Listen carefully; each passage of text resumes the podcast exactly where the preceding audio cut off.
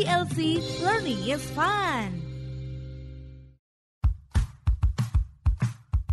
Halo good people, kita jumpa lagi di dalam podcast idlc.id. Halo good people, jumpa lagi dengan saya Glena dalam podcast Ngopi Hukum IDLC.id. Kali ini IDLC bekerja sama dengan alumni FHUI Angkatan 91 mengadakan Legal Expo 2021 dengan menghadirkan para praktisi hukum yang ahli dan berpengalaman di bidangnya, yang pastinya membahas seputar topik-topik hukum. Nah, pada kesempatan kali ini nih, kita akan ngobrol dengan Bang Riga Primayuda yang berpengalaman selama lebih dari 8 tahun di seputar perbankan, khususnya di bagian kartu kredit nih. Halo Bang Riga, apa kabar? Ya, selamat sore, baik kabarnya ini Mbak Glena. Oh, aduh, nah, semangat ya uh, kita ya walaupun udah ya. sudah begini ya. ya, Mbak Glena. nah, hari ini kita ya. mau ngobrolin pastinya di bidang ekspertisnya Bang Riga nih, kartu kredit nih, ya kan? Oh, nah, gitu. Aku baik. sebagai seorang customer nih ya, Bang Riga ya, aku cuma ya. tahunya aku ngajuin permohonan, pokoknya maunya disetujuin. Nah, pastikan semua orang oh. maunya gitu ya, Bang ya. kita ya, kan nggak ya, mau ya. tahu apa yang terjadi di balik itu, maunya di approve. Yeah. Terus when the card yeah. uh, apa arrive di rumah langsung ye, gue punya kartu kredit yeah. gitu kan. Nah, terus pertanyaan aku nih Bang ya ke bagian uh, Abang ini nih yang bagian uh, approve kartu kredit nih ya. Sebetulnya nih waktu waktu Abang terima uh, form aplikasi itu kan kita diminta ngisi form aplikasi yang banyak banget tuh keterangan-keterangan yang diminta oh. gitu kan. Sebenarnya apa sih yang yeah. dilakuin Bang uh, pada saat menerima permohonan seperti itu? Oh ya, baik. Uh, saya sedikit luruskan dulu ya. Kalau mm-hmm. memang saya tidak langsung berkecimpung di bagian analisnya kebetulan. Mm-hmm. Saya di uh, call centernya handling mm. uh, komplain dan service customer lalu di bagian otorisasi. Hmm. Tapi sedikit banyak kami dibekali apa pengetahuan knowledge ya mengenai bagaimana itu aplikasi masuk, uh, diolahnya seperti apa secara garis besar. Hmm. Jadi kalau boleh saya sedikit infokan itu memang begitu uh, dari sales itu mereka menjual uh, kartu ke customer di mana mereka akan gathering uh, documents gitu ya di awal gitu uh, tentunya mereka akan masukkan semua uh, di pool ke bagian analis. Hmm. Nanti di analis uh, mereka akan review semua dokumen itu baik secara hmm. dari aspek keasliannya biasanya seperti itu. Hmm. Lalu bagaimana um, kalau ini ada uh, calon customer yang memang punya kartu dari bank lain, hmm. mereka akan coba review dari perilaku uh, baik itu pemakaian maupun pembayaran di bank tersebut. Hmm. Jadi dari uh, dua aspek ini yang utama bisa mendasari apa uh, approve atau tidaknya aplikasi yang masuk itu ke di bank kita untuk selanjutnya akan diterbitkan kartu untuk mereka begitu. Hmm, jadi pastinya ya. background checking ya sama kayak kita ya, uh, apa ngajuin uh, apa utang ke bank seperti itu ya pengajuan kredit ke bank karena kartu kredit juga kan termasuk ya. sebetulnya salah satu dari fasilitas kredit ya bang ya. Ya betul. Hmm. Secara itu memang walaupun tidak ini ya kita tidak menutup mata, sebagian memang pengguna itu lebih ke gaya hidup ya. Artinya hmm, betul. Hmm, mereka bukan itu lebih bermaksud konsumtif ya. ya. Ya betul. Jadi hmm. belum tentu mereka uh, tidak bisa bayar cash mungkin gitu ya. Hmm, Tapi karena memang gaya hidupnya seperti itu, uh, mereka uh, prefer gunakan uh, kartu kredit daripada cash gitu. Hmm, itu ya. beda. Jadi masalahnya bukan di kemampuan, jadi lebih ke gaya hidup mungkin begitu Mbak Betul. Betul. Jadi selain uh, ya. gaya hidup, uh, kebetulan kalau untuk pengguna nih contohnya nih, pasti yang aku incar adalah promonya apa sih? Terus fasilitasnya ya, gue bisa dapat apa sih gitu kan ya Bang? Ya, ya? betul. Ya. Hmm. Memang ada ada seperti itu juga. Jadi uh, biasanya yang banyak itu uh, dicari tentunya uh, apa fitur-fitur promo yang ditawarkan oleh bank yang akan di-apply gitu ya. Jadi mm -hmm. misalnya dulu uh, saya mungkin tidak perlu sebutkan merek ya. Jadi mm -hmm. Uh, di ada yang menawarkan mungkin kita bisa uh, dapat uh, fasilitas untuk uh, nonton film baru gitu ya. Hmm, ya, ya benar. Uh, nonton dapat ya nonton dapat ya. uh, ini ya diskon promo bahkan makan di tempat-tempat bonafit tertentu promo ya, gitu ya. betul. Restoran-restoran yang uh, apa terkemuka hmm. gitu mereka dapat promo khusus misalnya begitu Mbak Krena. Hmm, ya benar-benar. Jadi iya, itu lebih apa iya. walaupun kita bilang itu uh, hal sederhana ya kartu kredit tapi hmm. uh, pelaku uh, pelaku perlakuannya itu sama seperti pengajuan kredit pasti ada background checkingnya ya jadinya ya itu yang menentukan betul, apakah betul, dia approve atau ya. tidak sama seperti Betul. orang ini perilakunya seperti apa. Kalau dia ya. istilahnya buka tutup uh, bank uh, apa kartu kredit di bank lain juga pasti itu akan menjadi pertimbangan utama juga kita ngasih nggak ya kalau orang ini betul, tanda kutip bad ya, debt begitu ya bang ya. Ya betul, hmm. betul sekali itu. Jadi apa namanya? Tentunya kalau di situ aspeknya lebih ke meminimalisir resiko ya di tempat hmm. kita. Betul. Nah, know your customer kalau, itu penting ya bang ya.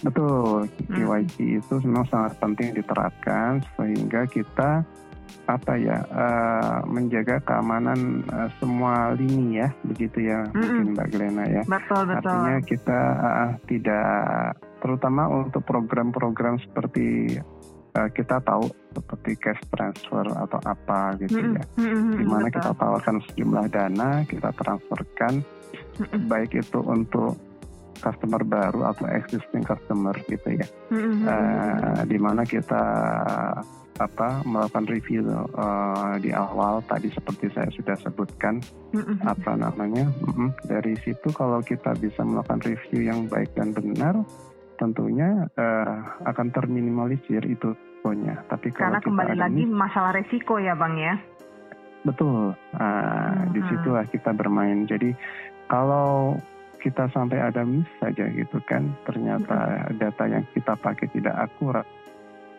ya, sekarang ya beberapa tahun yang lalu ya mungkin hmm. memang uh, marak juga seperti itu hmm. ya itu kan menjadi uh, bumerang ya dari tempat kita, bank kita begitu. Mm-mm, betul betul Walaupun, karena uh, dulu sempat ada gelombang ini ya, semua orang lagi trendingnya um, punya kartu kredit itu ada sebuah kemewahan, semua orang berbondong-bondong ya, punya kartu kredit. Betul. Terus dari itu barulah ya. di situ banyak yang lapse ya, nggak bayar gitu kan ya. Ya, betul. Hmm. Jadi apa delinquent ya istilah, istilahnya. Jadi uh, pertama uh, bayar, bayar, bayar, patternnya seperti itu, lalu berkurang. Uh, miss satu bulan, bayar lagi, miss lagi dua bulan, habis itu hilang. Hmm, karena sebetulnya nah, kartu kredit itu kita memberikan fasilitas kemudahan ya, bukan berarti itu dianggap kita jadi wah ini uh, eh, gue punya extra money buat gue spend gitu. Nah, Padahal sebetulnya itu, bukan seperti ya. itu ya pola pikirnya ya, bang. Pada ya? sebagian orang ada yang berpola pikir seperti itu betul, Mbak Gelina. Hmm, ya. betul, betul, uh, betul. Nah selanjutnya nih, ya. bang, setelah kita udah bicara ya. tentang ya. tadi uh, memperoleh kartu kredit, oke okay nih uh, kartu kredit sampai di rumah gitu kan. Nah begitu sampai yeah. di rumah setelah kita uh, kartu kredit itu diaktifkan, ada lagi nggak sih yang yeah. namanya sistem uh, pengawasan terhadap penggunaan kartu kredit itu gitu bang?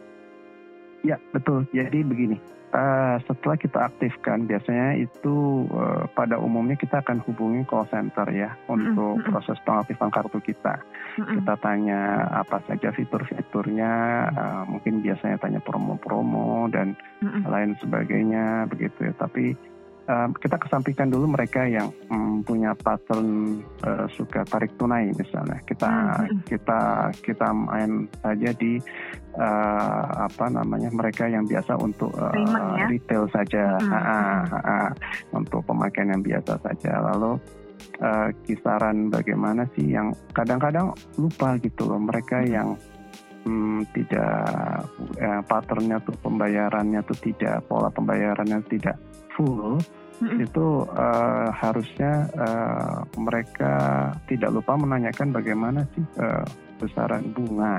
Nah, itu yang nah, itu yang sering orang ya, lupa ya, terus langsung lupa, bilang, betul. eh ya udah bayar aja. Pokoknya di sini kan tulisannya tuh ada tuh minimum bayarnya sekian tuh kan nilainya betul. kecil sekali tuh dibanding sama ya, tagihannya gitu ya. Ya, iya. Selalu berpikir Jadi kadang orang segitu aja deh gitu kan. Iya, betul. Mereka pikir, oh jadi setiap bulan saya hanya bayar sekian. Hmm. Gitu. Padahal minimum payment itu kan hanya batasan bottom ya mm Jadi Uh, minimum namanya aja minimum gitu. Jadi mm ya segitu minimumnya.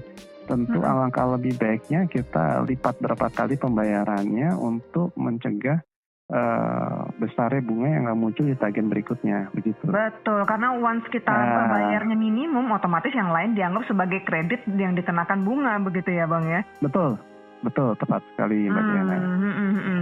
Nah, terus yeah. misalnya pada saat kita penggunaan nih ya Bang ya, uh, uh, ada yeah. sistem pengawasan nggak sih misalnya, oh orang ini uh, biasanya suka pakainya di retail nih atau misalnya yeah. oh dia iya. menggunakan ini hanya untuk uh, misalnya konsumtif nih misalnya cuma untuk makan-makan yeah. di iya. restoran untuk nonton untuk uh, belanja yeah. atau apa gitu atau yeah. misalnya oh belanjanya nih belanja kebutuhan sehari-hari nih bukan yang uh, istilahnya yeah. kebutuhan tersier gitu kan misalnya oh dipakai mm -hmm. belanja di supermarket di mana gitu mm -hmm. nah ada pengawasan seperti itu nggak sih pola perilaku penggunaan kartu kredit itu ada jadi hmm. setiap bank pasti punya. Jadi mereka akan pelajari corak pemakaian dari customer uh, hmm. itu secara apa namanya uh, khas ya. Jadi hmm, hmm, hmm, setiap pribadi tentu akan punya uh, karakter ya. Jadi betul, si A Uh, uh, pakainya di mana saja uh, hmm. itu akan kelihatan. Uh, si B pakai di mana saja. So, tadi kan uh, Mbak Giliana juga uh, sebutkan, oh si A misalnya sukanya tiap bulan belanja di supermarket mm. untuk belanja bulanan. Mm. Nah, si B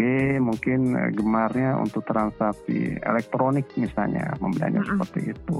Apa yang jadi uh, perhatian tentunya misalnya mm. ada tiba-tiba secara uh, tidak apa namanya tidak di luar kebiasaan ya di luar kebiasaan uh, mm. tahu-tahu ini Nah, umurnya sekian uh, sudah cukup apa sih udah cukup tua lah misalnya biasanya belanja gitu.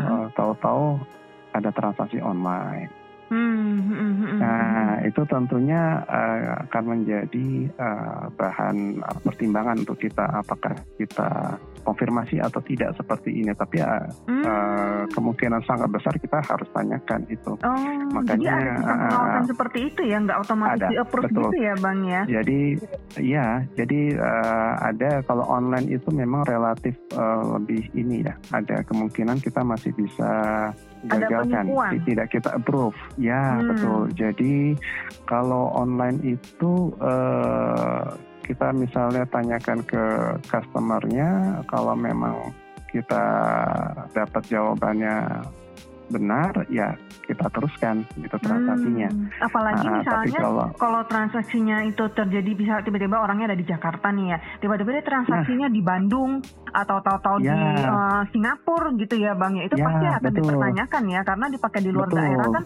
butuh otorisasi betul. dari bank juga supaya bisa aktif dipakai di luar uh, wilayah gitu ya bang ya. Betul. Jadi so, kalau kondisinya seperti itu kita bisa apa himbauan ya. Jadi mm -hmm. ini sudah menjadi kebiasaan kalau menurut saya dari mm-hmm. beberapa bank gitu ya.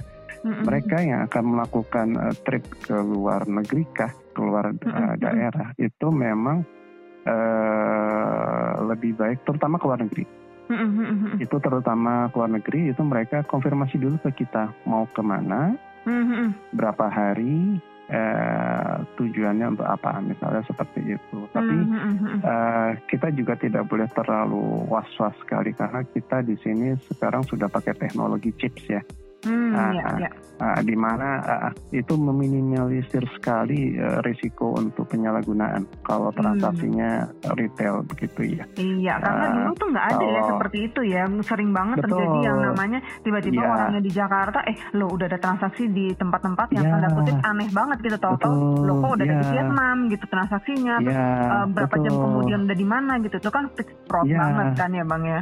Iya, uh, begitu kita deteksi ada transaksi seperti itu, memang yang paling utama kita akan sementara blok kartunya dulu sih. Hmm. ya. Hmm, hmm, uh, Karena dulu di zaman dulu tuh ini sempat uh, apa ya sempat menjadi kontroversial banget, sempat jadi uh, ini Betul. juga uh, apa masalah hmm. uh, masalah besar ya terhadap kartu kredit karena ya, kepercayaan terhadap betul. kartu kredit jadi jatuh banget karena uh, itu ya. bisa tiba-tiba ada transaksi di mana-mana yang nggak ada otorisasinya ya. dan terus kemudian uh, apa si nasabah juga kayak nggak uh, ada pilihan untuk membuktikan dirinya nggak menggunakan itu gitu ya bang ya. ya jadi akhirnya betul. terpaksa jadinya orang jadi kepercayaan terhadap kartu kredit jadi uh, turun banget. Kalau sekarang sih uh, ya, kalau dilihat betul. udah uh, tingkat otorisasinya udah udah bagus banget gitu karena setiap kita mau pergi ya. Walaupun dikatakan itu adalah kartu yang berlaku internasional tetap kita harus semacam tanda kutip mengaktifkan di tempat tujuan kita akan pergi gitu ya bang ya? Ya betul Mbak Glenna. Jadi apa namanya kita memang eh, sempat dulu ada zamannya kita belum semuanya pakai chip ya, mm-hmm. itu kan kita swipe tuh kartu ya kalau nggak salah ya. Dan nggak ada otorisasi uh, PIN pada waktu itu. Kalau ya, saat betul. ini udah menggunakan PIN ya. semuanya wajib ya bang ya? Ya betul. Di samping itu kan uh, waktu itu sempat ada yang rame penggandaan kartu mm-hmm. di mana uh, satu orang uh, dia punya kartu uh, dipakai di tadi seperti Mbak Gina sebutkan di beberapa orangnya di mana tapi dan cepat banget ya gitu. ya langsung dipakai di beberapa tempat itu tapi mm. kalau seperti itu ada kemungkinan besar sekali sih itu lost card ya mm-hmm. jadi uh, ketinggalan kah atau di mana uh, itu biasanya bisa tapi yang lebih hmm, agak menakutkan memang uh, ya itu tadi online transactions ya. Hmm, Jadi hmm, kita hmm. kan nggak perlu pegang kartu ya, tapi Betul. datanya kita pegang. Nah, lalu ya ada kita nomor sama itu ya uh, nomor kartu sama uh, tanda kode di belakangnya itu ya bang ya. Betul, ya itu yang uh, apa ya fatal ya kalau seperti itu uh, sudah diketahui oleh pihak yang lain ya itu lebih baik sih kita uh, ganti kartu kalau seperti itu. Hmm, ya langsung uh, segera blokir ya kalau udah seperti itu blokir. ya. Blokir, hmm, ya. Wah, jadi ternyata walaupun kita udah punya kartu kredit bukan uh, sesuka-suka kita ya untuk pakai ya, ternyata tetap ya, diawasin ya, ya bang ya.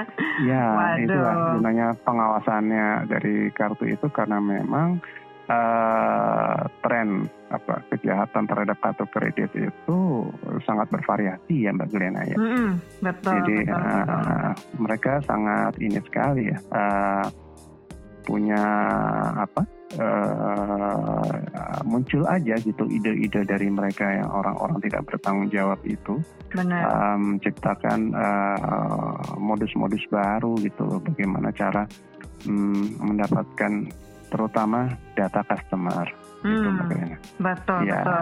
Nah, terus kalau kita udah ngobrolin tentang kartu kredit, pastinya nggak lepas, iya. nggak akan pernah lepas dari yang namanya komplain, bener nggak bang? Oh iya, betul. Siapa sih iya, yang iya, pakai iya. kartu kredit seumur hidup nggak pernah komplain ya bang ya?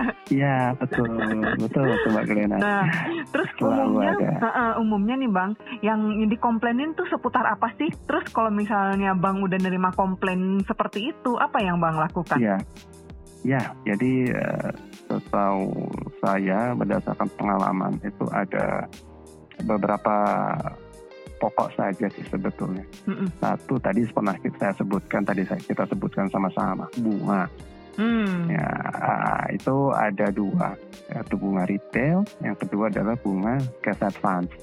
Mm. Yang uh, uh, yang apa yang terutama bunga cash advance itu kan uh, tinggi ya. Mm-mm, Jadi betul uh, orang tidak menyadari ya, mereka apa namanya pikir mungkin sama atau uh, tidak terlalu besar. Mm-hmm. Yang kedua adalah tadi uh, berhubungan dengan pengawasan. Anggap saja pengawasan yang cukup strict dari kita mm-hmm. uh, dalam hal untuk uh, fraud prevention itu uh, mungkin dirasa uh, mengurangi rasa nyaman dari customer. Hmm, Jadi ya, ya, terutama ya. ketika mereka sedang uh, trip ke luar negeri.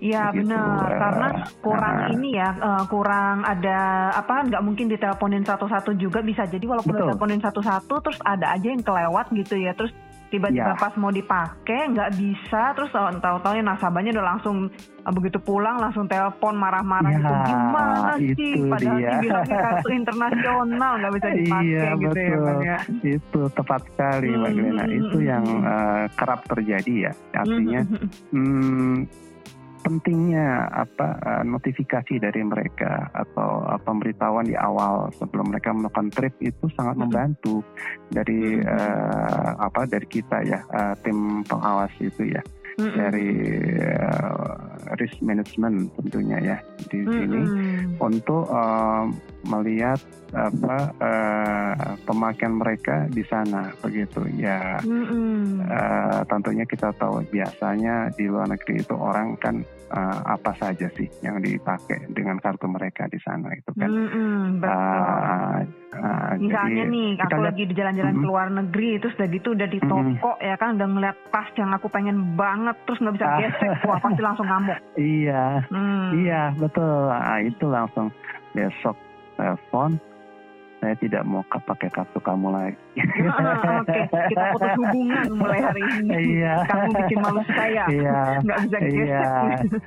iya. Eh, kalau sudah seperti itu ya teman-teman kita dari customer care yang biasanya menghandle biasanya itu seperti itu. Uh, hmm. Jadi memang hmm, ya itulah pentingnya kita saling bersinergi ya, uh, Mbak Glenna. Ya. Artinya Betul. ya tidak perlu uh, dia misalnya apa uh, kasih tahu misalnya, tapi mungkin dia bawa dua kartu atau tiga kartu dari bank lain, uh, kita bisa hmm.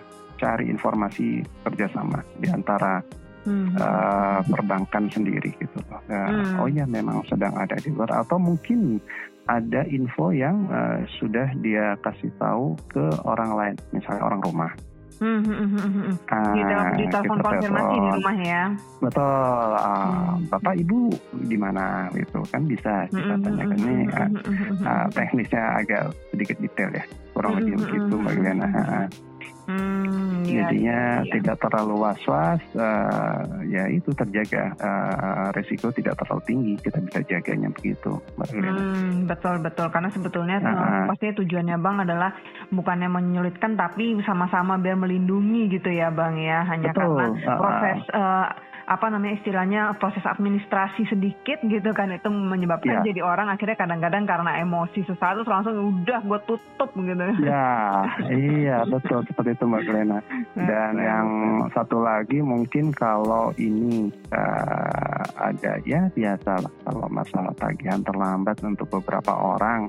Oh iya benar tuh aku uh, sering banget tuh dulu tuh uh, dengar ya. mama aku ngomong gimana sih nih suratnya datangnya tanggal berapa padahal jatuh temponya tanggal berapa terus iya. nasabah yang dikenain uh, suruh bayar denda iya. gitu. padahal kita aja nggak iya. tahu kalau kalau kita ingat iya. gitu kan misalnya ingat eh ya, kartu yang ini tanggal sekian kartu yang ini tanggal sekian hmm. gitu terus eh ternyata kartu ya. tagihannya datangnya uh, terlambat gitu kan Nah, ya, kalau kita uh, ingat, kita bisa telepon ke banknya mana nih, betul. apa statementnya belum datang, saya mau bayar gitu. Kalau nggak ingat gitu kan, ya. waduh. Uh, uh. Jadi apa uh, billing statement uh, apa sih ya uh, delivery dari billing statement itu kan penting ya. Kalau hmm. tidak terlambat atau apa kan yang rugi jadi customer. Seperti Betul. customer mereka kan punya apa namanya uh, pengaturan uh, pemakaian dana mereka ya. Jadi hmm. uh, mereka perlu prepare Betul. Ini dan selain itu tiga. yang penting hmm. adalah dendanya sih bang, ya kan? Ya, Udah yang terlambat siapa, yang suruh bayar ya, denda siapa, mending dendanya iya. kecil lagi kan? Nah itu dia, apalagi mereka yang biasa pakai besar, biasa bayar full. Hmm. Begitu hmm. terlambat datang, mereka sudah berupaya bayar full tapi terlambat. Nah, hmm. itu kena bunga, kena biaya keterlambatan. Waduh Mm-mm, gitu, betul. Itu bisa dibayangkan teleponnya masuk ke customer service itu seperti apa gitu. ah, ah. Makanya saya selalu salut loh terus terang bang sama yang kerja di customer service itu siap oh. menerima segala badai itu. Iya, iya itu dia mesti kuat-kuat iman. Iya, jadi kadang kalau seperti itu balik ke kebijakan dari perusahaan ya. Kalau mm-hmm. misalnya ada kendala memang secara apa ya hmm, memang kurir ada masalah gitu loh. Jadi tidak satu dua yang terkena. Itu tentunya kita akan memberikan keringanan gitu ya. Di bidang uh, dendanya apa, ya khususnya uh, ya peringanan lay charge atau mungkin bunga kita bisa bantu untuk diajukan untuk dihapuskan bisa seperti itu bagaimana? Hmm, hmm, hmm, ah, iya, iya, menarik. Cuman selalu iya. adalah yang menjadi kendala, terutama aku nih sebagai pribadi nih ya pendapat pribadi jadi curhat nih bang. Iya. Enggak apa-apa. terutama paling sebel tuh ya kalau sama customer service tuh ya, uh, ya selain dari mereka sabar banget terus jadinya kayak panjang banget gitu loh bang maaf ya bertele-tele oh, iya. kita harus iya. konfirmasi macam-macam terus dari itu iya, iya diajuin iya. dulu pelaporannya nanti kita iya. tunggu lagi berapa hari kerja nanti konfirmasi iya, lagi betul. nanti apa lagi iya. waduh ya Tuhan kan kayaknya selain customer yang sabar nasabah juga harus sabar gitu kan pada akhirnya iya. uh, orang jadi karena orangnya nggak sabar otomatis pada akhirnya uh, sampai pada di titik yang udah gua tutup gitu kan Ya itu kalau sudah sampai gitu tidak ya. terjadi apa namanya uh, uh, apa namanya uh, tidak bisa ada uh, dari pihak bank yang mungkin tidak nggak ngasih solusi yang pasti solusi kan maunya yang ini baik dihapus ya, ya. kan? Nggak mau didenda betul, gitu kan? betul. Tapi pada dasarnya sih memang semua bank tentunya akan memberikan servis terbaik ya. Hmm. artinya hmm. kalau memang uh, mereka investigasi ternyata memang ada trouble di lapangan nah, tentunya mereka mau tidak mau suka tidak suka harus memberikan apa namanya uh, solusi dalam bentuk terbaik, apa pun ya, solusi yang terbaik, apa pun, apa pun betul. itu ya, entah dibutuhkan ya, kompensasi, betul. entah apa begitu ya, ya bang ya. Kompensasi, betul mbak Glenna, seperti hmm. itu. Betul, Jadi betul, betul. ya, ya memang harus seperti itu. Ya, hmm, yang, hmm. dan lagi pula kan ini tidak setiap saat terjadi. Hmm, betul tidak? Betul, betul, ah, betul. Ah, orang kadang-kadang ya. kayak orang bilang nih ya, uh, apa tiga ya. tiga itu adalah uh, apa ya third strike itu udahlah lo udah nggak nggak termaafkan lah. Satu ya. oke, okay. kedua tuh namanya tuh mengulangi kesalahan yang sama, ketiga gitu ya. kan udah uh, apa nggak lagi-lagi gitu ya bang ya. Iya betul Mbak Glenna kurang lebih seperti itu. Hmm. Jadi ya memang kita semua uh, apa pun dia mm, omongkan masuk ke customer service call center kita tampung gitu loh. Dari situ kita akan uh, distribusikan masalah itu ke mana ini? Apakah masalah penagihan? Apakah masalah kurir? Apakah hmm. masalah uh, apa lagi yang lain? Nah, mungkin tadi penyalahgunaan misalnya yang lebih serius ya. Hmm. Nah, tentunya memang butuh uh, tidak cepat-cepat sekali ya itu waktunya hmm. karena kan kita investigasi butuh waktu. Nah di situ kita butuh kerjasama antar pihak antara customer mereka mau tidak mau menunggu dan hmm. di call centernya tentunya mereka akan uh, push ya mereka-mereka di unit-unit terkait untuk bekerja lebih intensif begitu. Hmm, pastinya. Karena ya, dan satu lagi ada ada satu ini lagi ya apa semacam apa patah uh, gua nggak butuh maaf loh gitu kan. Pasti minta maaf tapi ini masalah harus diselesaikan gitu ya bang ya. betul. ya iya.